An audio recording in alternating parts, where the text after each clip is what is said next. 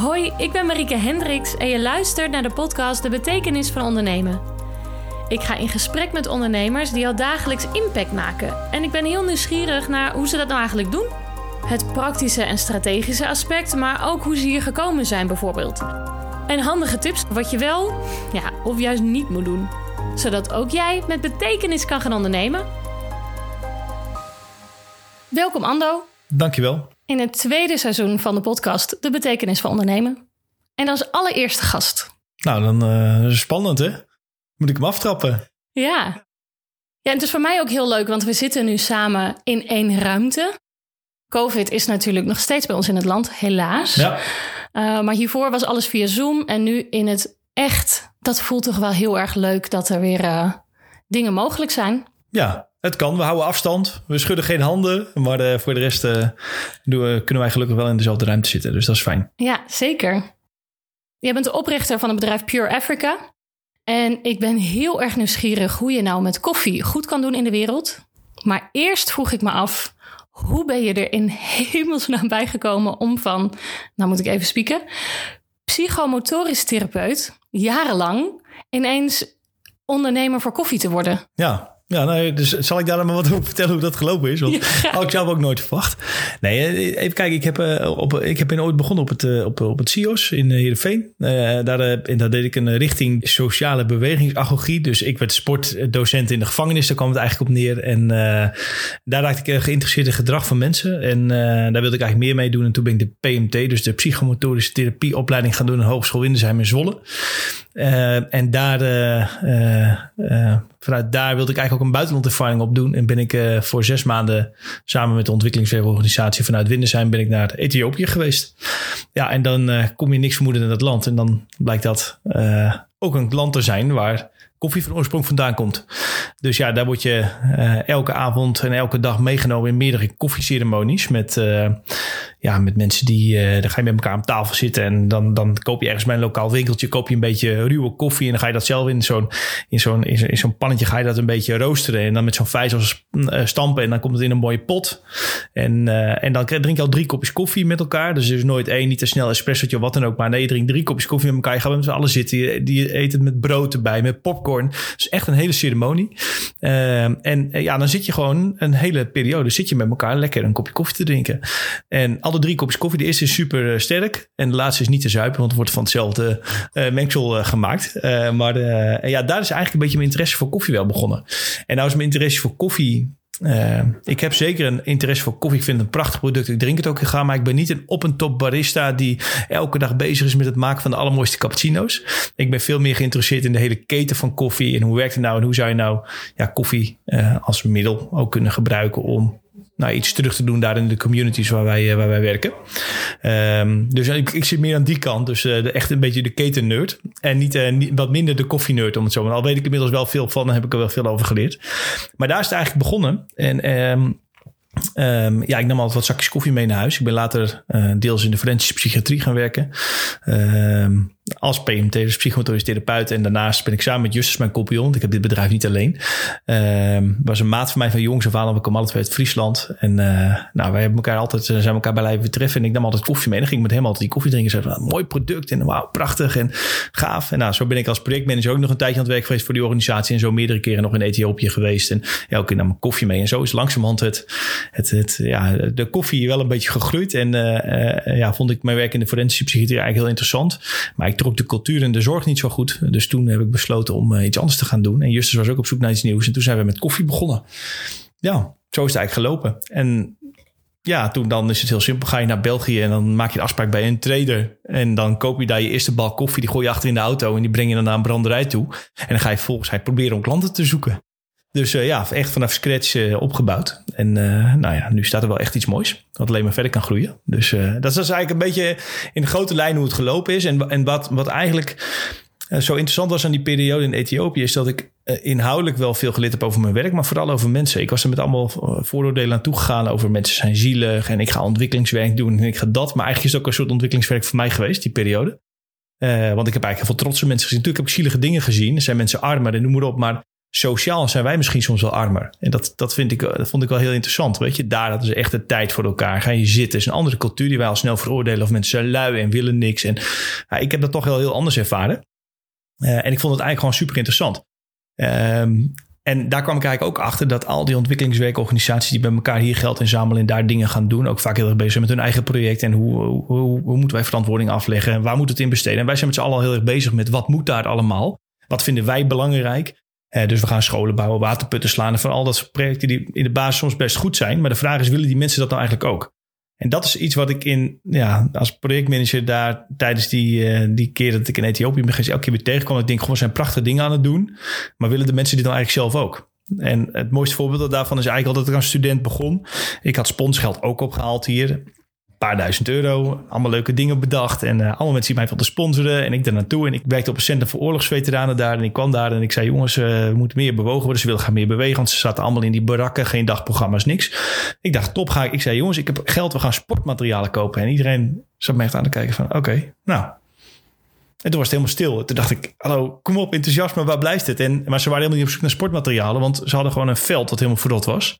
En ze hadden één rolstoel, een hele oude, zonder banden, zonder uh, dingen erop. En die zeiden, ja, maar als wij gaan sporten op dit veld, dan gaat de rolstoel kapot. En dan, ja, waar moet ik me dan mee voortbewegen? En, en dat zijn allemaal van die dingen waar je als student ik eigenlijk al geleerd heb van, wij moeten niet constant bezig met wat we daar belangrijk vinden. Wij moeten niet bedenken, moeten ze vragen, wat heb je nodig? Dus uiteindelijk hebben we het geld besteed om het hele terrein te asfalteren.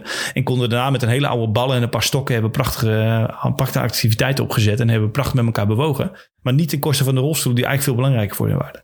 En dat zijn allemaal van die dingen, kwam ik overal tegen. En, en dat, dat, dat heeft mij eigenlijk heel erg aan denken gezet over het themaontwikkelingswerk. Doen we dat nou eigenlijk wel op de goede manier? En uh, ja, is het eigenlijk wel efficiënt? Al die mensen die er altijd maar naartoe gaan, allemaal met hun eigen projectjes, in plaats van ze meer samen gaan werken, meer kijken wat wil, wat wil zo'n land nou zelf? Hoe kun je daarbij ondersteunen? Nou, dat, dat heeft me gewoon erg aan denken gezet. En dat is eigenlijk waar uh, Pure Africa ook zich mee bezighoudt. Dus we importeren mooie koffies, we hebben een prachtig assortiment. Uh, maar we proberen ook iets te doen met die koffie in die communities daar. Maar dat, dit, dit is daar eigenlijk de achtergrond van.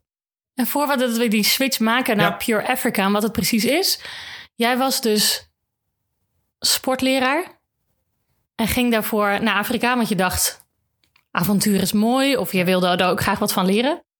En daar kwam je er heel erg achter van, oh shit, de gedachten die wij hebben als Hollanders misschien over wat de, de arme mensen in Afrika nodig hebben, dat klopt niet helemaal. Nou, het is stiekem een soort modern kolonisme. Misschien denk ik toch stiekem wel. En dat, dat is niet, niet met verkeerde intenties, maar dat zit er soms wel stiekem een beetje in. Wij vinden dat we eigenlijk wel weten wat daar nodig is en wat daar belangrijk is en wat zij zouden moeten doen om het voor hunzelf beter te maken. En ja, daar zit, daar zit, ik heb toch geleerd dat dat wel soms wat anders ligt. Los van dat er soms in Afrika en de landen waar wij komen vreselijke dingen gebeuren. Hele onhandige dingen die je echt moet veroordelen. Maar ja, er zitten meerdere kanten aan het verhaal. En ontwikkelingshulp, je stipte hem net al even aan, is dat dan per definitie uh, pakken we dat per definitie niet goed aan dan? Nee, helemaal niet. Weet je, misschien ben ik wat generaliserend hoor, maar ik, ik, zie het veel van die scholenprojecten. Ik zag het veel in. Weet je, en het is ook niet een, een het is ook niet een, een, duurzaam model. Kijk, ik, als mensen honger hebben, vind ik dat we met z'n allen in moeten samelen en zorgen dat mensen te eten krijgen. En uh, alleen, ik heb gewoon heel veel van dat soort projecten gezien die vanuit goede intenties begonnen zijn, maar ja, waar gewoon niet voldoende gekeken wordt naar wat hebben mensen nou eigenlijk nodig, wat willen ze nou eigenlijk zelf. En dat vind ik echt een heel, heel essentieel iets. Mensen moeten hun land zelf opbouwen en wij kunnen daarbij ondersteunen, want we hebben nou eenmaal meer middelen. Um, maar um, ja, om, om, om hun nou te gaan vertellen wat moet en wat belangrijk is, dat, dat, dat is volgens mij niet de goede manier. Um, en waar besteed je het dan aan? En hoe besteed je het dan? En moet je het wel geven? En het is, weet je, ook in, weet je, als de politiek in Nederland verandert, of wij komen hier in de coronacrisis erin, dan, dan nemen die budget ook allemaal af. Die zetten grote projecten op. Uh, wij hadden ook op een gegeven moment 40 man in dienst. En vervolgens uh, kwam er een economische crisis in Nederland. Zie je dat iedereen bereid is minder geld te geven, maar je hebt wel 40 man. En je projecten stoppen dan weer. Dus het is ook weinig, naar mijn idee, soms weinig toekomstgericht. Het is niet zo sustainable eigenlijk. Jullie hadden in Afrika 40 man in dienst? Ja, op een gegeven moment wel, ja, met onze projecten daar. Ja, dus weet je dat uh, tijdens mijn, mijn werk als projectmanager hadden wij echt wel grote projecten daar draaien. Alleen het was wel gebaseerd op subsidie in Nederland. En als die subsidie stopt, dan vallen je projecten ook soms stil. Nou, al dat soort dingen, dat, daar moet je gewoon goed over nadenken. En mensen gaan met goede intenties naartoe. Hè, wij, wij, hadden ook, we brachten stapels met spullen mee daar naartoe. En we gaven van alles weg aan kleine kinderen daar en noem maar op. Maar het gevolg was dat ik een paar jaar later kwam. En al die kinderen, dat ik er niet meer veilig of goed rond kon lopen. Zonder dat er allemaal kinderen aan mijn benen hingen. Van mag ik wat hebben? Give me, give me, give me, give me. Dat is iets wat we zelf ook veroorzaakt hebben door altijd maar te geven. Niet dat we dat vanuit de verkeerde intentie doen. Want wij denken, goh, leuk, potloden, pens kunnen van alles gebruiken. Maar het effect ervan is dat je een paar jaar later eigenlijk als toerist soms moeilijker er naartoe kan. Omdat de kinderen gewoon constant alleen maar naar jou kijken van, jij gaat mij dingen geven. En dat is, dat is, dat... Dus de intentie is niet verkeerd, maar de uitkomst is soms wel heel onhandig. Ja, je creëert een gek soort afhankelijkheid wat helemaal niet de bedoeling is geweest. Nee, volgens mij niet. Volgens mij niet. Nou, en dit soort dingen zijn heel interessante studenten. Dus ik heb inhoudelijk op mijn vak wel wat geleerd. Maar dit, dit, deze thematiek die heeft me eigenlijk op een hele andere manier naar doen, eh, doen, eh, doen leren kijken. En dat is eigenlijk wel een beetje de basis van, uh, van het bedrijf geweest waar we nu mee bezig zijn. Ja, want je noemde al, je nam elke keer koffie mee. Je ging ja. met Justus gezellig koffie doen. Toen in 2012 dachten jullie, we gaan ons gewoon inschrijven bij de Kamer van Koophandel. Ja, dus dat is 2012. Dat is best wel lang geleden. Hè? Ja. ja. Ja, nee, weet je, wij werkten toen alle twee. Ik werkte toen echt in de psychiatrie. En Justus werkte, organiseerde internationale handelsreizen en werkte bij een, een online tassenwinkel. Dus we deden altijd weer iets heel anders. Maar we dachten, dit is wel tof, hier willen we mee aan de slag. En, en ja, toen hebben we ons ingeschreven inderdaad. En dan begint het met dat je gewoon ergens een paar kilo koffie koopt, de ruwe koffie. En dan ga je dat proberen te verkopen. En dan delen jullie er gewoon bij op zaterdagmiddag? Ja, zaterdagmiddag de avonturen. Uh, ja, dat hebben we zo langzamerhand opgebouwd. Ik denk dat we sinds echt sinds vijf jaar echt heel actief hier fulltime mee bezig zijn. En daarvoor was het altijd een beetje nou, een baan daarnaast. Toch proberen dit langzaam op te zetten. Te kijken wat doet de markt, wat kunnen we daarin doen. Dus ja, ik denk dat we sinds vijf jaar echt volle bakkie mee bezig zijn. De jaren daarvoor uh, was ze soms nog een beetje deel in loondienst en deels als ondernemer. Ja. En de eerste drie jaar dan, dan was, had je nog die combinatie. Ja. En hoe voelde dat dan? Was er constant ongeduld en ging het niet snel genoeg? Of zaten er twijfels? Nee, geen twijfels, maar het was gewoon zoeken. Weet je, kijk, je, je stapt in. Ik, ik kom uit de zorg en uit de psychiatrie. Um, ik heb denk ik een heel ondernemende persoonlijkheid en, en Justus ook. Maar we deden iets totaal anders. Dan moet je het ook een beetje leren kennen. Ja, je hebt ook je kosten. Ja, alles loopt door. Dus je gaat gewoon pionieren. Daar komt het eigenlijk op neer. En je gaat leren. En, en je gaat zoeken in je concept van wat, wat, wat willen wij doen. En wij hadden natuurlijk als doelstelling wel iets met die koffie, maar ook iets terug doen in Afrika. Dus uh, ja, dat, dat, daar, daar ga je mee zoeken. Dus, uh, en we zijn uiteindelijk, uh, zal ik dat meteen maar vertellen waar we op uitgekomen zijn ook een beetje. We zijn op micro, ja, microkredieten uitgekomen. We zeiden ja, microkrediet is eigenlijk een hele mooie manier. Want het gaat eigenlijk niet om jij krijgt geld van mij. Nee, je, je leent het. En je hebt een ondernemerplan, je hebt een idee. Je gaat het, je gaat het uh, gebruiken voor twee jaar. En na twee jaar betaal je het ook weer terug. Zodat we het weer uit kunnen lenen aan een ander. Dus ons idee was eigenlijk met die koffie kijken. Of we dat kunnen verkopen. En dan een deel van onze winst terug zouden kunnen investeren in microkredieten. Nou ja, daar zijn we mee begonnen. En dat was eerst een webshopje, Afrikaansekoffie.nl was dat destijds. Ja, en dan kochten, gingen we uh, vrienden benaderen. En, uh, en dat was ook echt gericht op consumenten. Dus uh, ja, en, en dat liep eigenlijk best wel, maar daar konden wij niet van leven. En was het dan vanaf direct af aan al met de microkredieten? Of kwam dat in de loop van de tijd? Nee, dat is eigenlijk wat we meteen bedacht hebben. Op basis van de ervaring en hoe wij samen ook over deze, deze thema kwam dan weer terug. En had ik weer allemaal ervaring op. We gaan hier gingen er samen ook over hebben. Van ja, jeetje, wat heb ik nou weer meegemaakt? Wat heb ik nou weer gezien? Kan het dan niet op een andere manier? Kan het niet efficiënter? Kan het niet kun je het niet minder afhankelijk maken. Kun je ook geld, eh, weet je wat nu, wat je, ja, ik zag ook gewoon als je geld geeft, dan is het weg. Dat ten eerste. En ten tweede, ja, um, word je daar nou beter van als je elke maand gewoon geld op je rekening gestort krijgt of er eindeloos maar geld is. En, of als je, de, als, je, als je het mag lenen en je mag je plannen ermee, je moet, dan moet je erover nadenken hoe je het terug gaat betalen. Dat is eigenlijk een hele andere manier van denken. En nou ja, daar waren we elke keer mee aan het puzzelen. En dan kom je op een gegeven moment tot een, tot een concept wat gaat werken. En dan ga je dat proberen te verkopen. En dan lukt het aan het begin natuurlijk voor geen meter, want je hebt geen verstand van koffie. Je weet helemaal niet wat je verkoopt. Uh, ja, en dan, en, en dan op een gegeven moment lukt het toch om afzet te vinden. En dan ga je groeien. Wat zijn de grootste leerscholen geweest van het begin? Um, ja, nee, dat, weet je, ik denk dat wij een vrij praktisch bedrijf zijn. We proberen gewoon dingen. Weet je, daar is ons hele bedrijf opgesteld. We importeren nu koffie uit Afrika en we investeren allemaal microkredieten. Maar wij proberen gewoon dingen en soms gaat het gewoon mis. En dan, uh, ja, dan is het heel zuur. Want uh, van je zuur verdiende centen schrijf je dan af of werkt het niet. En, en ik denk dat met, met internationaal werken, helemaal met landen waar wij actief zijn, moet je gewoon dingen proberen. Je kunt alles willen op papier willen zetten. Je moet kunnen alles wel helemaal concreet en af willen maken. Maar dat werkt gewoon niet. Je moet gewoon beginnen. En dat is eigenlijk hoe wij er elke keer in zitten. En niet te wild, stap voor stap. Wij, ik denk dat wij het ook rustig opbouwen, voorzichtig opbouwen. Uh, ja, en ja, ik denk dat, dat dat wel een belangrijke leerschool is geweest. Dat je gewoon stap voor stap, maar ook dat uh, mensen gewoon te vertrouwen zijn, weet je wel. Wij, we, natuurlijk moet je met enige achterdocht altijd kijken, maar het is ook zo dat wij gewoon heel, heel veel samenwerken met Afrikanen, waar we gewoon echt goed mee kunnen samenwerken, die afspraken nakomen, die, we delen dezelfde belangen. Het gaat als een tierenlier. Dus dat is het ook. Weet je, dat heb je ook. Weet je, je kunt alles wel in contracten willen vangen. Dat proberen we deels ook wel. Maar ja, het gaat ook gewoon van werken we samen? Verdelen we de dingen eerlijk? Uh, ontstaat er echt een samenwerking waarin belangen aan beide kanten zijn? Ja, dan kun je ook goed samenwerken en groeien. En dat zoeken wij ook heel voorzichtig uit. En doen we gewoon door veel veldwerk te doen in Afrika, veel daar naartoe te gaan. Nou ja, uh, zo meteen denk ik nog van alles over vertellen. Maar uh, uh, ja, dus dat is ook wel gewoon ook wel vertrouwen hebben in mensen en vertrouwen geven. En dat vond ik, dat vond ik zelf ook mooi. Ja, dus en ja, weet je toch. Um, ja, mensen ook actief bevragen wat zij nodig hebben. Uh, in plaats van het alleen hier al zelf bedenken. En dan komen ze tot, tot hele andere oplossingen die soms ook heel goed werken. Of heb ik het gewoon helemaal niet goed begrepen? Of heb ik het helemaal niet goed gezien? Of zijn er blijkbaar meerdere wegen die naar Rome leiden? Niet altijd mijn weg, maar ook soms wel iets wat trager gaat of langzamer. En dan moet ik op mijn handen zitten en kijken we naar denk ik, oh nee, dit wordt een grote rotsoortje. Maar dan valt het uiteindelijk ook wel weer mee. Van Pure Africa in 2020, hoe ziet dat eruit? Ja, nou op dit moment uh, uh, ja, voorzien wij denk ik ongeveer 400 bedrijven inmiddels van de koffievoorziening. Dus we zijn eigenlijk begonnen met uh, online webshopje afrikaansekoffie.nl. En ja, dat liep wel, maar we zagen ook consumenten shoppen. Dus die vinden een koffie leuk, maar die gaan in Italië op vakantie nemen dan daar weer eens wat mee. En die gaan dan, vinden ze een leuke actie bij de Appie Heijn en dan doen ze dat. dus, dus daarna hadden we wel een mooie afzet, maar het was niet heel structureel allemaal. dus toen hebben, zijn we dacht, we moeten echt een concept bedenken, want we willen investeren in die microkredieten. We willen die samenwerking opbouwen, die coöperaties Dus we moeten gaan kijken of we meer structurele afnames, afnemen, afnemers kunnen vinden. Toen zijn we ons gaan richten op bedrijven. Hebben we KVK-lijsten gedownload. Uh, en na een paar jaar zijn we gewoon gaan bellen. En zo hebben wij ons eerste klantenbestand kunnen opbouwen. En dat is langzamerhand gewoon heel erg gaan groeien. En waarin we eigenlijk uh, ja, inmiddels ook van Deventer naar Utrecht verhuisd zijn met ons bedrijf. Een nieuw kantoor in Zolle hebben geopend. Ja, weet je, dus dat groeit gewoon hartstikke mooi door. We hebben een collega erbij. Ja, en wat we op dit moment doen is eigenlijk, wij uh, hebben eigenlijk verschillende takken, zou je kunnen zeggen. Eén, uh, wij verkopen koffiezakken in Nederland uit Afrika.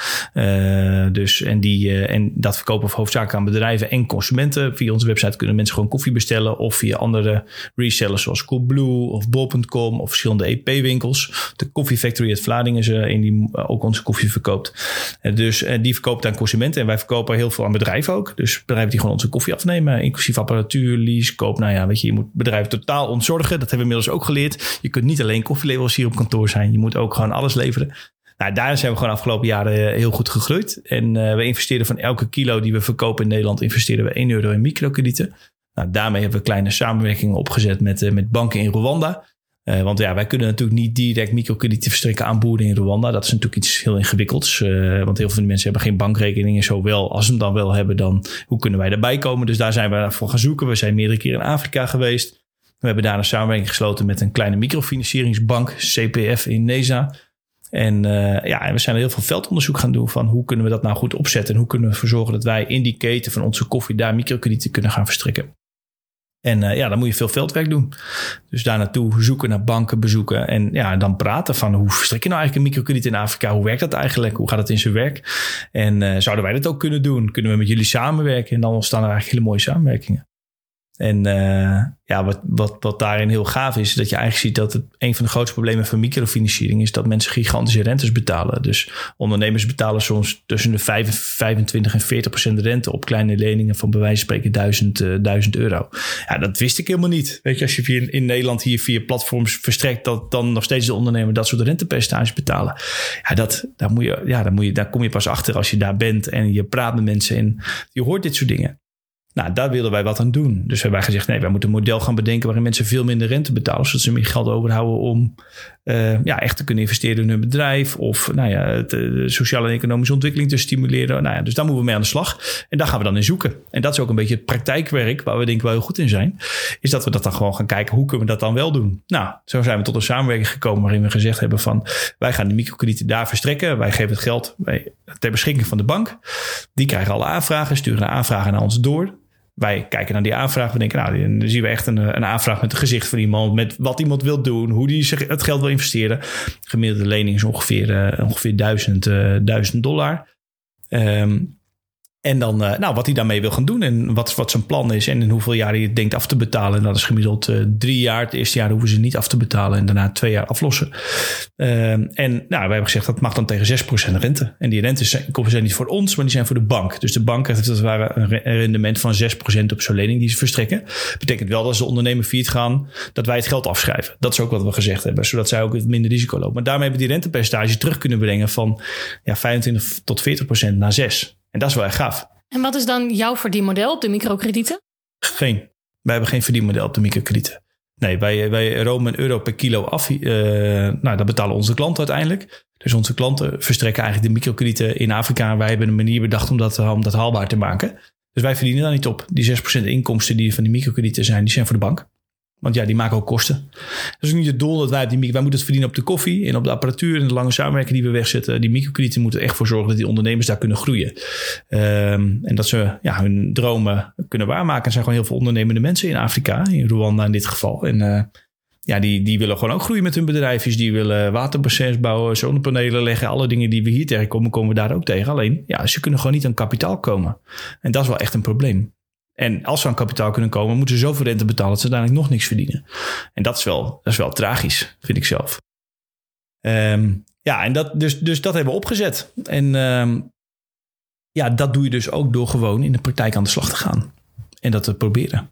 Dus in de basis zijn jullie simpelweg een koffie-inkoper en verkoper. Ja. Maar doen jullie het op een totaal andere manier? Want als je het vergelijkt met uh, Douwe Egberts bijvoorbeeld, hoe, uh, hoe kopen zij koffie in en hoe verschillen jullie daarvan? Nou, zij kopen koffie in vierde wereld. Voor vierde, ja, dat is, dat is een, um, een beursgeoriënteerde uh, handel natuurlijk. Dus dat gaat op basis van speculaties ook. En, uh, en de wereldmarktprijs wordt er in het algemeen vastgesteld. Zo kopen zij hun koffie in. En dat doen ze van over de hele wereld. En dat halen ze naar, dat halen ze naar Nederland of nou ja, waar dat ook bij hun branderijen staan. En dat verkopen ze dan vervolgens. En wij doen voor een deel wel hetzelfde. Wij kopen ook koffie in via traders. Een deel van onze koffie, niet alles. Daar kom ik zo meteen nog op terug. Alleen wij romen een deel van onze winst af. En dat investeren we terug in de communities waar die koffies vandaan komen zodat die ondernemers echt met hun bedrijfje kunnen groeien. En eigenlijk is het een heel simpel model. Wat in principe iedereen zou kunnen toepassen. Alleen je moet op zoek gaan naar de samenwerkingen. Nou ja, en wij hebben ze weten te vinden in Rwanda. En dan is er veel mogelijk. Uh, dus daarin, daarin in, in de inkoop veranderen zijn wij niet heel erg anders dan Douwe Egberts. Want wij kopen ook een deel van onze koffie gewoon in via traders. Alleen wij investeren wel in microkredieten. Maar het is toch ook zo dat, um, nou ja, weet ik niet of het specifiek Douwe Egberts is, maar over het algemeen de, de grote jongens die koffie inkopen ook ver onder de kostprijs zitten, toch? En boeren alleen maar juist in meer problemen helpen. Ja, nou dat is eigenlijk het tweede deel van ons bedrijf waar je dan, uh, waar je dan komt. Hè. Kijk, wij weten, wij weten waar onze koffies vandaan komen. Uh, alleen wordt die wereld wordt ja, geregeerd door grote traders die dus, nou ja, je moet je voorstellen als je als koffieboer in de binnenlanden van Rwanda zit, ja, hoe kom je dan ooit in contact met een Nederlands koffiebedrijf? Dat lukt je gewoon niet. Dus daar gebruik je lokale traders voor. Dus die lui oogsten hun koffie.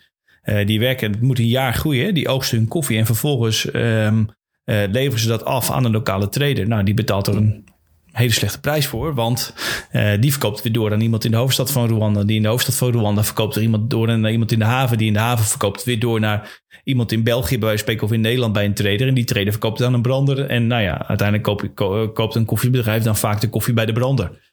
Uh, en daar doen wij voor een deel ook gewoon aan mee. Uh, want we kunnen niet als jong bedrijf in één keer zomaar zeggen... ja, we gaan alle koffie in Afrika zelf inkopen. Dat kan niet. Uh, dat is financieel ook niet haalbaar. Alleen, ja, je ziet die keten dat wij heel veel op die koffieplantages zijn. Want wij bezoeken die plantages. We zijn bij die microkredieten. Daar zie je ook die keten. En raak je daar ook over in gesprek. En constateer je daar dus dezelfde problemen. en dat is nu eigenlijk het tweede deel van ons bedrijf... waar we nu heel erg mee aan de slag zijn. Is om te kijken van kunnen we nou ook zelf koffie in gaan kopen in Afrika. Ja, dat is best wel complex. Want normaal koop ik bij wijze van spreken 500 kilo bij onze brander. Maar als we voor een jaar moeten vooruit moeten kopen, want het wordt één keer per jaar geoogst. Ja, dan heb je het in één keer over. Oké, hmm, uh, we hebben misschien wel 20.000 kilo. Nou, dan betalen we een betaal inkoopbedrag. Dan heb je, moet je één keer hele grote voorfinancieringen doen. En heb je dan wel goed gecalculeerd en klop je, uh, ja, klop je prognose eigenlijk wel. En wat als je nou niet uitkomt? Nou, dat zijn hele andere problemen die voor hele kleine koffiebedrijven als wat wij zijn, uh, ja, best heel ingewikkeld zijn. Maar toch zijn we ermee begonnen. Want uh, uh, ja, weet je, als je daar rondloopt en je hoort eigenlijk dat veel van die koffie voor de wereldmarktprijs, die een beetje tussen de 2 dollar en 2,20 dollar ligt, verkocht wordt per kilo. En je gaat vervolgens met die boeren rekenen en, en met hun accounten zitten van, uh, van joh, wat zijn jullie nou eigenlijk kwijt om een kilo koffie te produceren? Ja, dan kom je erop uit dat dat rond de 3,40 dollar ligt als ze alle kosten meenemen. En dan denk je, hè, dat kan toch helemaal niet? Dat is dat, dat, ja, dus, dus je ziet dat ze in verval raken. Uh, dat ze eigenlijk nog steeds totaal zelfvoorzienend zijn van hun eigen land. Uh, ja, bijna geen, uh, geen toegang hebben tot school, tot verzekeringen en dat soort dingen. Dus gewoon eigenlijk nog steeds straatarm zijn. En ze dus ondanks dat wij als koffiebedrijven goed kunnen verdienen met koffie in Nederland, uh, ze daar eigenlijk nog steeds straatarm zijn en, en heel erg afhankelijk van die lokale traders. En eigenlijk ligt de, ligt de wereldmarktprijs in Rwanda dus onder de kostprijs. En dat is, dat is wel, uh, ja, dat is wel heel, was het, uh, wij dachten, dat kan toch helemaal niet? Nou, dan zie je dus dat die coöperaties in verval. Moet ik ook iets vertellen over hoe coöperaties een beetje opgebouwd zijn met boeren en zo? Leuk, ja. Ja, want ik vertel natuurlijk over boeren en van alles en nog wat, maar er zit een heel systeem achter. Je moet het uiteindelijk zo zien. Een boer kan iemand zijn die twintig uh, struiken heeft of, of, of, een paar duizend struiken. Vaak zijn boeren ook dat ze niet alleen koffie doen, maar ze doen ook bananen en ze doen ook andere, andere gewassen. Dus het is een deel ervan. Uh, en ja, één boer die oogst uh, van 20 struiken. Nou, dan komt gemiddeld, laten we zeggen, 6 kilo van de struik uit. Die heeft misschien uh, nou, maar heel 100 of 200 kilo. Ja, weet je, die kan niks met een koffiebedrijf zoals wij doen. Dus ze verenigen zich in een coöperatie. Ze starten met z'n allen een koffiecoöperatie. Die koffiecoöperatie, die starten met elkaar een washing station. Dus dat is een koffieverwerkingsstation. En dat koffieverwerkingsstation, daar wordt de koffie verwerkt en klaargemaakt voor transport. Nou, ik heb je zo straks de zakken laten zien, de grote jute zakken van 60 kilo. Uh, en dat is eigenlijk hoe het werkt. En um, die coöperatie van boeren, die sluit met elkaar een lening af van bijvoorbeeld 100.000 dollar om het productieproces door te lopen van koffie eens per jaar. Nou, in, die, in dat geld wat ze daarvoor uh, moeten lenen zit ook een eerste betaling voor de boeren. Dus zo'n boer die oogst zijn bessen, komt naar die coöperatie toe, die biedt zijn bonen eraan, of zijn bessen eraan en krijgt eigenlijk meteen een eerste betaling. Nou, vervolgens gaan ze dan die koffie verwerken en dan moet het gepeld worden, dan moet het gewassen worden, dan moet het gedroogd worden en dan in zakken ligt het klaar voor export, dan gaan ze het verkopen. Nou, als ze het dan verkocht hebben, gaan alle kosten van de coöperatie, gaan de, van, de, van de washing station gaan eraf. En dan hopen ze dat er iets overblijft. Want als er iets overblijft, dan kunnen ze die tweede betaling krijgen. Want ze zijn met z'n allen eigenaar van die coöperatie. Ze zijn heel afhankelijk van welke prijs ze voor koffie krijgen, of ze goed kunnen verdienen of niet. Maar in de praktijk gebeurt die tweede betaling dus heel vaak niet. Nee. En die hebben ze eigenlijk wel nodig, want daar zit hun winstmarge, daarin kunnen ze groeien. Alleen ja, als je altijd maar te laag voor je voor, te weinig betaald krijgt, dan, dan kom je dus echt nooit een stap verder. En dat zie je gewoon in de praktijk daar ook. Uh, ze komen gewoon niet verder. Die washing stations zijn een beetje vervallen. Het ziet er allemaal net wel niet uit. Mensen zijn allemaal arm. En ze werken er echt hard voor. Ze moeten het een jaar laten groeien.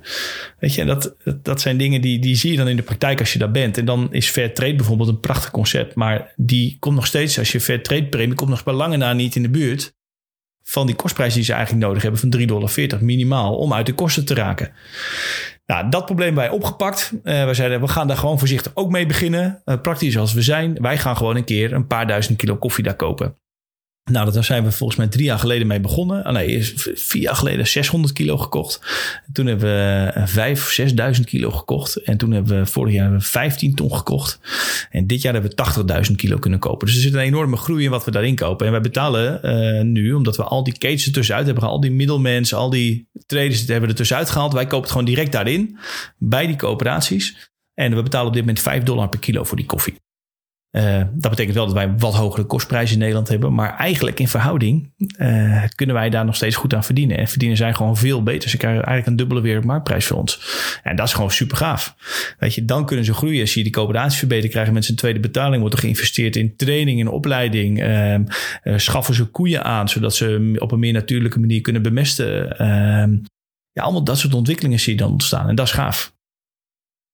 Dus ze gaan ook echt veel duurzamer en veel beter met hun bedrijf om. Ja, weet je, als je, als je niks te makken hebt, ja, dan is duurzaamheid je niet, niet je allerbelangrijkste doel. Pas als je wat kunt verdienen, dan ga je nadenken, oh, misschien is zo'n bassin wel handig. Of misschien kan ik wel koeien kopen, want dan hoef ik niet meer kunstmest te gebruiken, maar kan ik een natuurlijke mest van koeien gebruiken. Of um, kunnen we, nou ja, ze hebben van irrigatiesystemen bouwen, waardoor ze water wat ze gebruiken bij het wassen van die koffie, uh, dat ze dat weer schoon terug kunnen geven aan de, aan de natuur. Ja, weet je, het zijn dingen die, daar ga je mee bezig op het moment dat je wat kan verdienen. Uh, ja, en als je niks verdient, dan ben je alleen maar bezig met: oh god, hoe hou we het hoofd boven water en komt het wel goed? En dan ben je niet meer ondernemend aan het denken. Nee, dus je moet kiezen tussen uh, investeren in je bedrijf of het eten geven van je kinderen. Bijvoorbeeld. Dat is uiteindelijk wel waar het nu om draait als ik de verhalen lees. Ja, het is echt, heel, het is echt tragisch. En weet je, en je komt er in Nederland, als je achter je computer kruipt, inmiddels is er de afgelopen twee jaar denk ik veel gebeurd op dit vlak. Zie je meer bedrijven die hiermee bezig zijn. Er komt er meer aandacht voor. Maar twee jaar geleden, waar hiermee, drie jaar geleden, waar hiermee bezig waren, kon je er helemaal niks over vinden. Heb jij concurrentie als het gaat om koffie- en microkredieten? Nee, er zijn geen andere, andere koffiebedrijven in Nederland die microkrediet investeren. Wat vind je daarvan? Ja, nee, kijk, kijk ehm, ja, ja, weet je, dat heeft niet specifiek met koffie wat mij betreft te maken. Ik denk dat gewoon wij eigenlijk een hele makkelijke, uh, uh, ja, hele makkelijke module hebben gevonden. Waarin ze gewoon een deel van mijn omzet gebruiken gewoon om terug te investeren in die communities daar. Ja, dat hebben wij opgezet. Uh, ja, dat kan iedereen in principe doen en wij vinden het prima. Je kunt zelfs meedoen met ons als je dat wil. Wij hebben de lijnen liggen. ik ben nu met een microkredietplatform in gesprek om te kijken of zij niet ook gebruik kunnen maken van onze banken. Want wij investeren veel vragen van 1000 euro, 1500, soms een keer 2000 euro. Maar er zijn ook vragen van 10.000. Ja, die kunnen wij niet beantwoorden, want ik wil een beetje spreiding hebben. Maar misschien kan zo'n microkredietenplatform dat juist weer wel. Dus ja, ik wil juist zorgen dat het kan groeien. Dus ik vind het prima als andere mensen dit ook gaan doen. Het is voor mij, dat is voor mij niet zo spannend. En dat, hangt even, dat, dat zit hem niet zozeer in de, in de koffiewereld specifiek. Dat kan ook in, eh, in hele andere producten zijn. Kan je ook bij consultancy doen. Uh, als je een uurprijs rekent, dan kun je ook een deel van je uurprijs zeggen dat, dat stel ik beschikbaar. Of uh, ja, je kunt het doen met, ja, je kunt het overal op van, toe, van toepassing maken. Ja, dan is het een soort van donatie die je geeft aan het microkredietenplatform. Ja, bijvoorbeeld. Hè? Dus, dus dit concept is eigenlijk heel simpel wat wij hebben bedacht. En helemaal niet zo ingewikkeld. Alleen je moet wel naar Rwanda toe gaan en je moet proberen die bank te zoeken. En dat, nou, dat is wat wij gedaan hebben. En dan kunnen meerdere mensen meedoen. We hebben ook uh, uh, klanten van ons die ons regelmatig benaderen en zeggen: Goh, ik, ben wel, ik, ik, ik wil eigenlijk wel wat extra investeren. Nou, dat kan. En zo is ja, dus, dus dat. En we hebben het ook inmiddels in een foundation, hebben we het, de Pure Africa Foundation, hebben we dat gelegd met een ambi-status, zodat je ook goed kunt doneren. maar ja, iedereen kan daar in principe aan meedoen. Misschien luistert er nu iemand en die denkt van nou, dat lijkt me eigenlijk wel heel mooi om te gaan doen. Heb je ook iets, um, misschien koffie, maar of een heel ander product waarvan je zegt van nou, als je, als je dat kiest, dan zou dat heel goed kunnen werken voor Afrika? Ja, nee, ja, weet je, volgens mij kun je het met elf, hoeft het niet specifiek aan. Gaat er gewoon om van, joh, je kunt het doneren aan een, eh, aan een goed doel. Of je kunt het doneren. Het is maar net ook waar je zelf in gelooft en waar je jezelf prettig bij voelt. Dat is toch vaak met donaties zo? Hè? En ja, weet je, het gaat meer om, om de manier van denken wat, waar, waar ik het eigenlijk over heb. Is dat eigenlijk is het helemaal niet zo moeilijk om, om iets, ja, ook al pak je een paar cent van alles wat je verkoopt, weet ik veel, je kunt daar iets mee doen. En eigenlijk is het concept niet zo moeilijk. En wij hebben, de, wij hebben de, het netwerk liggen. Dus als iemand anders zegt, goh, ik wil ook microkrediet investeren. Nou, dan breng ik gerust in, gerust in contact met onze bank in Rwanda, waar we al heel veel ervaring mee op gedaan dat het een betrouwbare partner is. Ja, we zijn ook het uitbreiden nu in, in, in, in, in een ander deel van Rwanda, waar we nog een bank, waar we nog met een andere bank gaan samenwerken. En ik ben op dit moment ook in Burundi aan het kijken of we daar dit concept ook kunnen gaan opzetten. Dus ja, weet je, gebruik ons netwerk als je wil, dan kun je meedoen. Ja, Mooi. Ja, dus dat is geen probleem. Nou, waar we nu naartoe aan het groeien zijn, hè, is dat eigenlijk dat we zeggen van joh, we willen eigenlijk die hele keten van zo'n koffiecoöperatie aanpakken. Dus die, die, koffiecoöperatie loopt eigenlijk tegen een aantal problemen aan. Het eerste probleem is dat ze uh, um, uh, een voorfinancieringsprobleem hebben. Want ze moeten lokaal die 100.000 dollar bij wijze van spreken lenen om het productieproces te doen. Nou, dat, dat geld moeten ze lokaal ook tegen de 17 en 25 procent moeten moeten ze dat lenen, dat geld. Dus ze zijn al heel daar weer een deel van hun marge kwijt. Nou, wat wij nu proberen is als wij de contracten sluiten met deze koffiecoöperaties voor aankomend jaar, om meteen al 50% aan te betalen. als we dat doen, hebben zij minder werkkapitaal nodig. Nou, dat bespaart u gewoon heel erg veel geld. Dus daar zijn we mee bezig. Het tweede is dat we nu die koffie voor een goede prijs inkopen, dus voor 5 dollar per kilo. Nou, dan hebben ze een winstpremie van gemiddeld 1,50 dollar. En dan maken we dan met hun ook afspraken over hoe ga je dat nou besteden. Welk deel daarvan gaat, naar, gaat dan naar de boeren? Welk deel daarvan ga je in training en opleiding investeren? En welk deel heb je nodig om Um, om om, om nou, onderhoudswerkzaamheden op je coöperaties te doen, bij wijze van spreken, of in je washing station. Dus dat. En het derde is dat we dan zeggen, die boeren die verbonden zijn aan die coöperatie, daar willen we dan eigenlijk ook microkrediet aan verstrekken, zodat zij ook nog weer goedkoop geld kunnen lenen om hun bedrijf te laten groeien. Nou, dat concept zijn we nu echt aan het bouwen. Op die drie pijlers zijn we echt aan het bouwen in, uh, in Rwanda. Uh, we hadden het in het begin van het gesprek al over ontwikkelingshulp. En dat je soms ziet dat, en nu um, doe ik hem heel kort door de bocht, maar de, de blanke man van 50 gaat naar Afrika en gaat waterputten slaan. En uh, wij doen wat goeds en dan gaan we weer. Um, maar dat dat een model is waarvan je zegt van nou, wij willen veel meer de onafhankelijkheid stimuleren en daarom werken we met microkredieten. Ja. Maar nu geef je ook aan van nou, als we met hun in gesprek gaan en uh, we geven ze de microkredieten of we geven ze de voorschotten, dan willen we ook in gesprek gaan om af te spreken met oké, hoe geef je dat dan uit? Maar is het dan alsnog niet een stukje um, eh, wij uit Nederland zullen wel aangeven hoe jij het beste je geld kan uitgeven? Nee, we vragen erna. We gaan erover in gesprek, want ik wil het wel weten, want uiteindelijk is het ook geld van onze klanten. Zo simpel is het eigenlijk. Kijk, en uh, onze klanten kiezen ook voor ons omdat ze het gevoel hebben en het idee hebben dat ze daarmee de boer een betere prijs betalen. Als die 1,50 dollar, dan wil ik daar ook dat daar een tweede betaling van naar de boeren gaat. Dat kan ook. Alleen dan wil ik wel weten hoeveel is dat dan? Ik ben gewoon ook benieuwd. We zijn nieuwsgierig. Uh, en dat vind ik gewoon belangrijk. Weet je, ja, ik wil gewoon dat het wel dan op een goede manier ook besteed wordt. En wij maken gewoon afspraken met die coöperaties dat ze hun boeren dan ook een tweede betaling geven als wij, hier, als wij zoveel meer betalen. En ja, weet je, als ze dat niet willen, dan is het ook niet een goede coöperatie voor ons om mee samen te werken. Want transparantie is wel iets wat heel hoog in het vaandel staat. Ik zie bij jullie in ieder geval veel openheid over de cijfers, wat je waaraan uitgeeft. Ja, maar ik vind, ik vind het echt belangrijk. En dat willen vragen wij ook van die coöperaties. Weet je, kijk, de, uh, er spelen altijd verschillende belangen, ook binnen dat soort coöperaties. En het is belangrijk dat je die boven tafel krijgt. En dat je weet dat je met een goede coöperatie samenwerkt. Wij doen dit omdat we die boeren een goede prijs willen betalen. En willen zorgen dat zo'n systeem kan groeien samen. Nou, dan moet je ook zeker weten dat mensen ook volledig transparant naar jou kunnen zijn over hoe ze dat besteden. Uh, en uh, dit jaar bijvoorbeeld is er een coöperatie die had nog heel veel uitstaande leningen staan van eerdere, nou ja, koffie die ze gekocht hebben, niet hebben kunnen verkopen. Dat soort dingen. En uh, zij hebben besloten om een deel van het geld ook te besteden, van die 1,50 dollar, aan het aflossen van die leningen. Dat vinden wij ook prima. Alleen we willen wel transparantie. Want dat bieden wij ook aan onze klanten. Kijk, wij willen naar een model toe waarin je als, als klant van Pure ook weet dat als ik die koffie koop voor, nou ja, laten we zeggen 16 euro per kilo, welk, wat, wat, wat van die 16, 16 euro gaat nou waar naartoe? Dit kost de inkoop, 5 dollar per kilo. Dit kost vervoer, dit kost uh, het branden en verpakken. En dit is wat Pure erop verdient. Ik vind het ook prima dat mensen weten wat ik aan een zak koffie verdien. Dus, en dat is het model waar wij naartoe willen groeien. En dat vraag je dus ook van de coöperatie waarmee we samenwerken. En wij oordelen daar niet over wat wel en niet mag. Maar een eis is wel dat die tweede betaling er wel komt. Dat is waar mensen van leven. Als, als ze dat niet doen, dan heb je uiteindelijk met, meer met, een, dan heb je met een hele commerciële coöperatie te maken. Uh, uh, waarin het geld naar, de, uh, naar het bestuur van de coöperatie gaat en niet naar de boeren. En dat is natuurlijk niet wat we willen. Daarom hebben we dit systeem niet bedacht. En opgezet samen met hun. Dus daar zijn we wel scherp op, ja. En dingen dat belangrijk is. En als wij, als wij besluiten dat anders te willen, dan mag het ook. Maar dan zullen wij andere samenwerkingen zoeken, want dan past dit niet bij ons. Want we, moeten, we hebben wel gezamenlijke doelstellingen met elkaar, maatschappelijke doelstellingen met elkaar, ook met deze coöperaties, om te zorgen dat zo'n hele community gaat groeien. En niet alleen de paar mensen die in het bestuur van zo'n uh, van zo'n community zitten. Ja. En gaat het jullie echt om onafhankelijkheid van de mensen, van de boeren in Afrika? Of wat is het, uh, dat jullie echt nastreven? Nou ja, kijk, onafhankelijkheid. Het gaat er gewoon om dat, dat, dat er een eerlijke ketenverdeling komt. Dus dat niet alleen wij hier goed aan die koffie verdienen, maar mensen daar ook. Uh, dus dat, dat vinden we belangrijk. En daar zijn we in het zoeken van hoe kunnen we dat nou het beste doen. Uh, dat een boer een eerlijke prijs voor zijn koffie krijgt en een leefbaar inkomen uiteindelijk krijgt. Waardoor zijn kinderen naar school kunnen, die normale kleren aan kan en gewoon in een huisje kan wonen. Hoeft niet luxe te zijn, maar dat is wel wat we graag willen. Dus we willen een goede verdeling in die keten, transparantie uh, van die keten en ervoor zorgen dat, uh, dat iedereen daar gewoon een goede boterham aan kan verdienen. Dat kan gewoon ook. Maar daarvoor hebben zij wel een goede inkoopprijs nodig. Want ja, weet je, als je niks betaalt, dan, dan is dat per definitie uitgesloten. Ja, en, en ja, dit is gewoon, dat is, en het is gewoon wel complex. En ook niet alles wat wij. We zijn ook aan het nadenken over oh, aan wie kunnen wij nou het beste de microkredieten verstrekken. Want er zijn honderden navragen.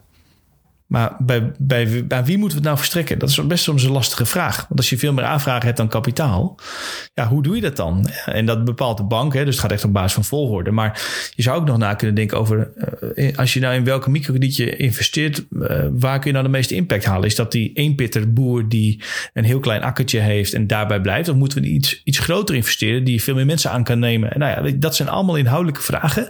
Uh, hè, wij denken dat 6% heel veel extra impact maakt ten opzichte van 25 tot 40 procent. Maar is dat nou eigenlijk wel echt zo? Al dat soort vragen, daar hebben we nog echt wel wat te halen. En dan moeten we ook gewoon onderzoek doen naar of, of, of, ons, of ons concept werkt. En ja, weet je, als mensen goede suggesties hebben of het kan op een andere manier, dan, dan vinden we het ook goed. Maar we zijn gewoon aan het zoeken hoe kunnen we dat nou goed doen. En dan vragen we die bank ook na. En daar bespreken we ook boeren voor. We gaan er naartoe, we spreken, we vragen, joh, gaat het goed? Wat, wat zie je? We observeren. Um, en we proberen daar in ons concept ook wel wat bij te stellen. We laten nu door de Universiteit van Wageningen onderzoek doen naar... Um, ja, als boeren nou 6% betalen in plaats van die 25 tot 40... wat doet het nou eigenlijk? He, ontstaat er echt sociale en, uh, sociale en economische ontwikkeling? Is dat wel zo? Dat denken wij namelijk. Maar dat moet je wel toetsen. Ik denk het ook wel te zien. Maar ja, ik heb natuurlijk wel een beetje gekleurde bril op... als ik heel eerlijk ben. Hè? ja, maar dat hoort er ook bij natuurlijk.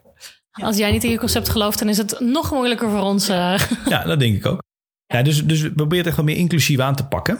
Uh, en de laatste pijler waar we nu ook nog mee bezig zijn, is een stukje training en opleiding voor boeren. Dus meer dat we een lokale agronomist, een land, lokale landbouwkundige nou ja, aannemen of in dienst nemen. En die als het ware ter beschikking stellen voor de coöperatie. Om nou, boeren te trainen. En hoe kunnen ze nou goed omgaan met nou ja, de, de, de, de, de, de, de, de droogte waar ze daarin heel veel mee te maken hebben bijvoorbeeld. Want de klimaatveranderingen zie je daar ook heel erg toeslaan.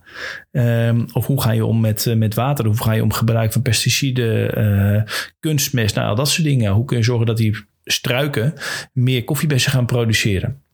En vaak is het ook wel echt gebrek op kennis, want het gaat gewoon van vader op zoon op dochter. En zo gaat het in één stuk door. En mensen zijn vaak niet eens echt inhoudelijk super goed in het boeren, om het zo maar te zeggen, maar hebben gewoon die plantage gekregen en doen eigenlijk wat iedereen altijd al doet.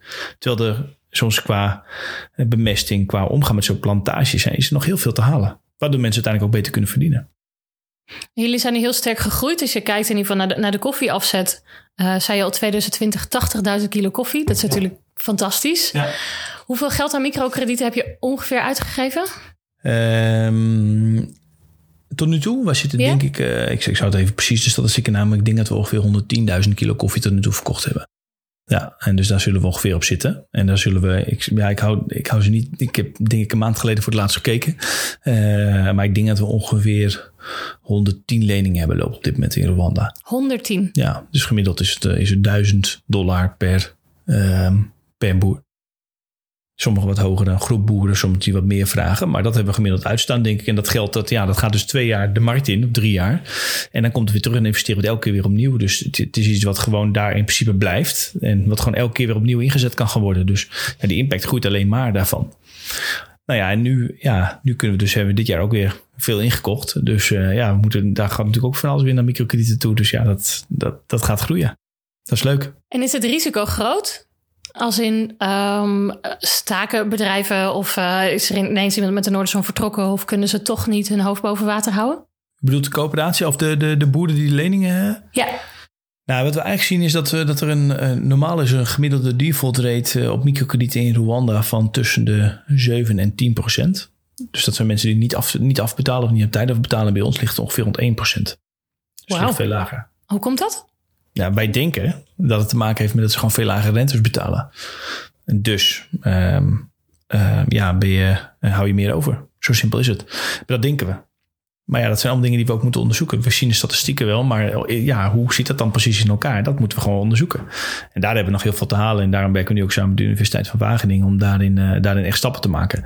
Um, ja, weet je, en wat we dan ook zien, we kijken soms ook nog wel inhoudelijk van wat maakt nou dat die kredieten niet afbetaald worden. Nou, er zit één voorbeeld bijvoorbeeld vrij van een mevrouw die heeft 500 eh, nieuwe struiken geplant. Uh, alleen vervolgens heeft ze zo'n enorm droog seizoen gehad, waardoor al die struiken weer dood gegaan zijn. Dat soort voorbeelden. Dus die, wat niet afgelost wordt, hangt ook met, hangt regelmatig ook met climate change samen. Dat bepaalde hele droge gebieden zijn voor een bepaalde periode waar bijvoorbeeld helemaal geen water valt. Ja, koffiestruiken hebben wel vocht nodig om goed te kunnen groeien. Ja. ja. Ja, dus ja, en weet je, ons model is ook niet klaar. We zijn constant in verandering en constant in het zoeken van hoe kunnen we dit nou goed doen en wat kunnen we beter doen. En nou ja, weet je, uh, maar ik denk wel dat we met deze pijlers die we nu te pakken hebben, hè, van die microkredieten, uh, op tijd aanbetalen en zorgen dat we een goede prijs betalen, denk ik wel. En dan, dan ook nog een stuk opleiding erbij, denk ik wel dat we een inclusief plan kunnen maken, waardoor zo'n koffie, koffiecoöperatie ook, uh, ook kan gaan groeien. Ja, bijvoorbeeld dit jaar hebben we van twee koffiecoöperaties alle koffie opgekocht. Ja, maar dat is wel heel gaaf. We hebben vorig jaar nog een paar duizend kilo per coöperatie gehad. Aan de andere kant zou je kunnen zeggen... ja, je creëert daarmee, dat is nu weer de volgende vraag... waar we dan nu tegenaan lopen, een bepaalde afhankelijkheid van ons. Dus ik vind ook, we hebben dit jaar ook weer twee nieuwe coöperaties uh, kunnen aansluiten.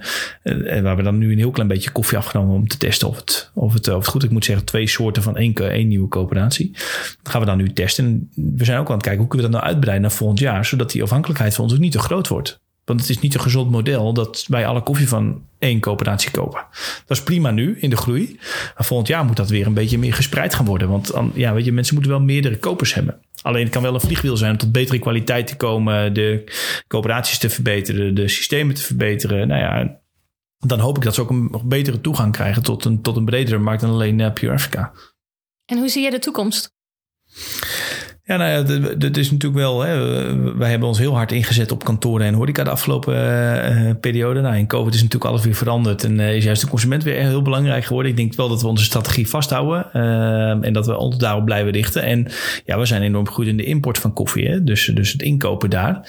En ook inmiddels aan het doorleveren aan andere koffiebedrijven. Dus we hebben ook een deel van onze ingekochte koffies daar met die transparante keten. Hebben. Inmiddels ook, verkopen we inmiddels ook door de andere koffiebedrijven. En ik denk dat daar in ieder geval voor ons het komende jaar, de komende jaren uh, veel groei in kan zitten.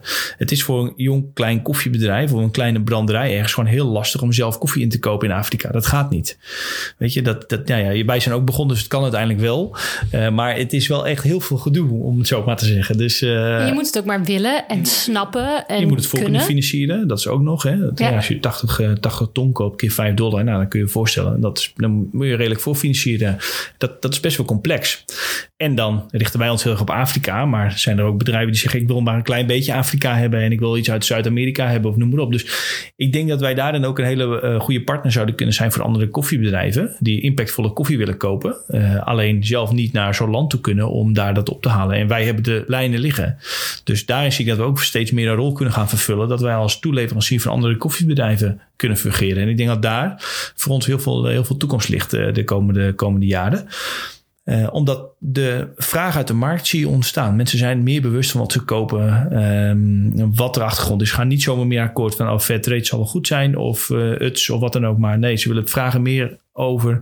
Um, ze vragen ook meer inhoud over van wat is het dan precies? Wat gaat er dan terug naar de boer? Hoeveel is het dan? Nou, dat zijn vragen die wij heel goed kunnen beantwoorden. Bij ons is die keten helemaal transparant. Dus daar kunnen we denk ik goed in groeien de komende jaren. Het tweede is dat we het aantal, uh, aantal uh, afgelopen jaren een aantal aanbestedingen hebben kunnen winnen. Ook van de Rijksoverheid. Nou, het mooie daarvan is ook dat ja, dat gaat natuurlijk om grote volumes. En je ziet ook dat de Rijksoverheid ook heel erg bezig is met het investeren in, in eerlijke koffie. Die willen meer weten. Die willen ook de hele keten transparant hebben. En hoe wordt het getoetst? En nou ja, daarin hebben wij het afgelopen jaar echt een aantal prachtige trajecten kunnen winnen. En denk ik dat we de komende jaren kans maken om dat echt te laten groeien. En het derde is dat ik uiteindelijk toch denk dat iedereen op dit moment heel ongelukkig wordt van het thuiswerken. Of heel veel mensen in ieder geval die ik spreek. Misschien heb je dan ook een beetje gekleurde bril op. Maar ik, ja, ik hoop toch wel dat er straks weer een goede balans gaat komen tussen, uh, tussen wat meer thuiswerk en meer naar kantoor. Ja, en dan zal de vraag op kantoor ook weer gaan groeien. En uh, dan denk ik dat wij nog heel veel mooie voorzieningen kunnen gaan neerzetten van, uh, van apparatuur in combinatie met nou ja, de prachtige Pure koffies. Dat denk ik echt. Ja, en dan hoop ik ook de komende jaren uit te kunnen breiden in Afrika. We hebben verkenningen gedaan in uh, Burundi inmiddels. Uh, daar zijn we een paar keer geweest. Eigenlijk waren we zover dat we een container koffie ook wilden kopen in Burundi. Daar waren we hetzelfde concept met het opzetten wat we ook in uh, Rwanda hebben opgezet. Alleen ja, dat, dat, dat, daar kon ik gewoon de afgelopen tijd gewoon, ja, konden we daar echt niet naartoe.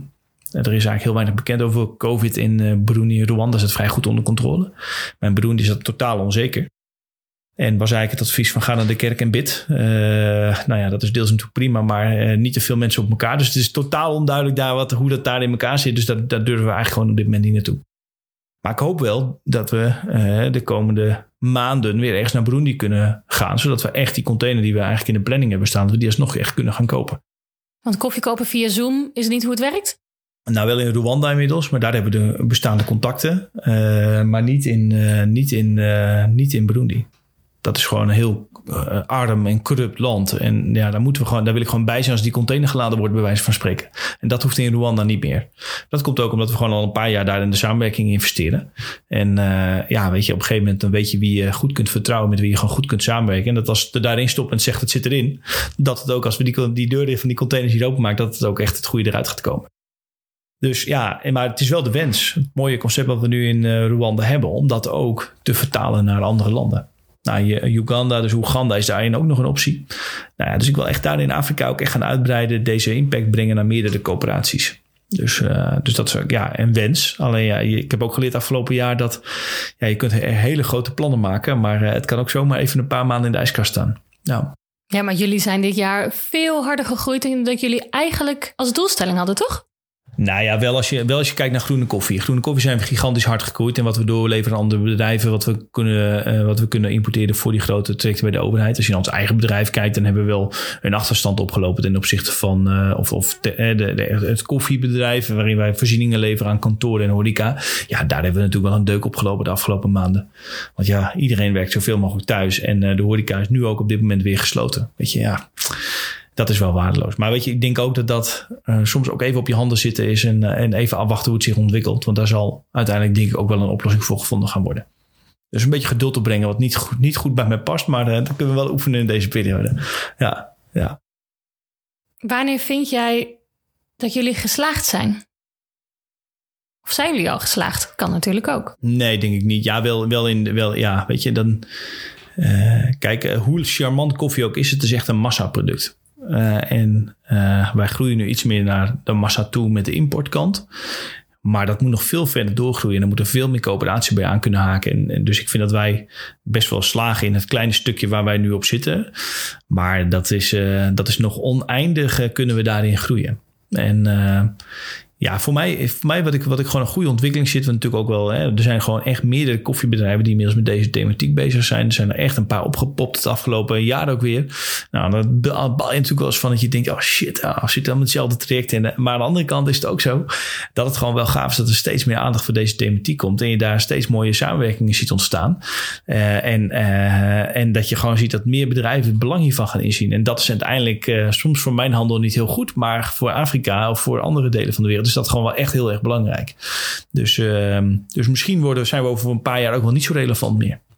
Dat zou zomaar kunnen. Maar dan denk ik dat wij wel iets bedenken en dan, uh, dan doen we weer iets anders. Ja. ja, dan is het natuurlijk de vraag: gaat het om de microkredieten of gaat het om de koffie?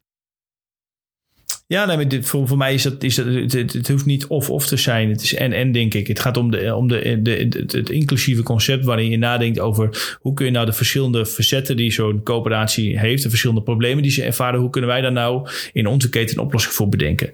En microkrediet is daar een heel belangrijk onderdeel van. Maar ik denk ook de inkoop, een goede, betalen van een goede prijs voor koffie is daarin ook een heel belangrijk onderdeel. Of zorgen dat mensen gewoon goed opgeleid worden, zodat zo'n boom, zo'n, uh, het is een struik moet ik zeggen, niet 2,5 kilo, maar 5 kilo gaat produceren.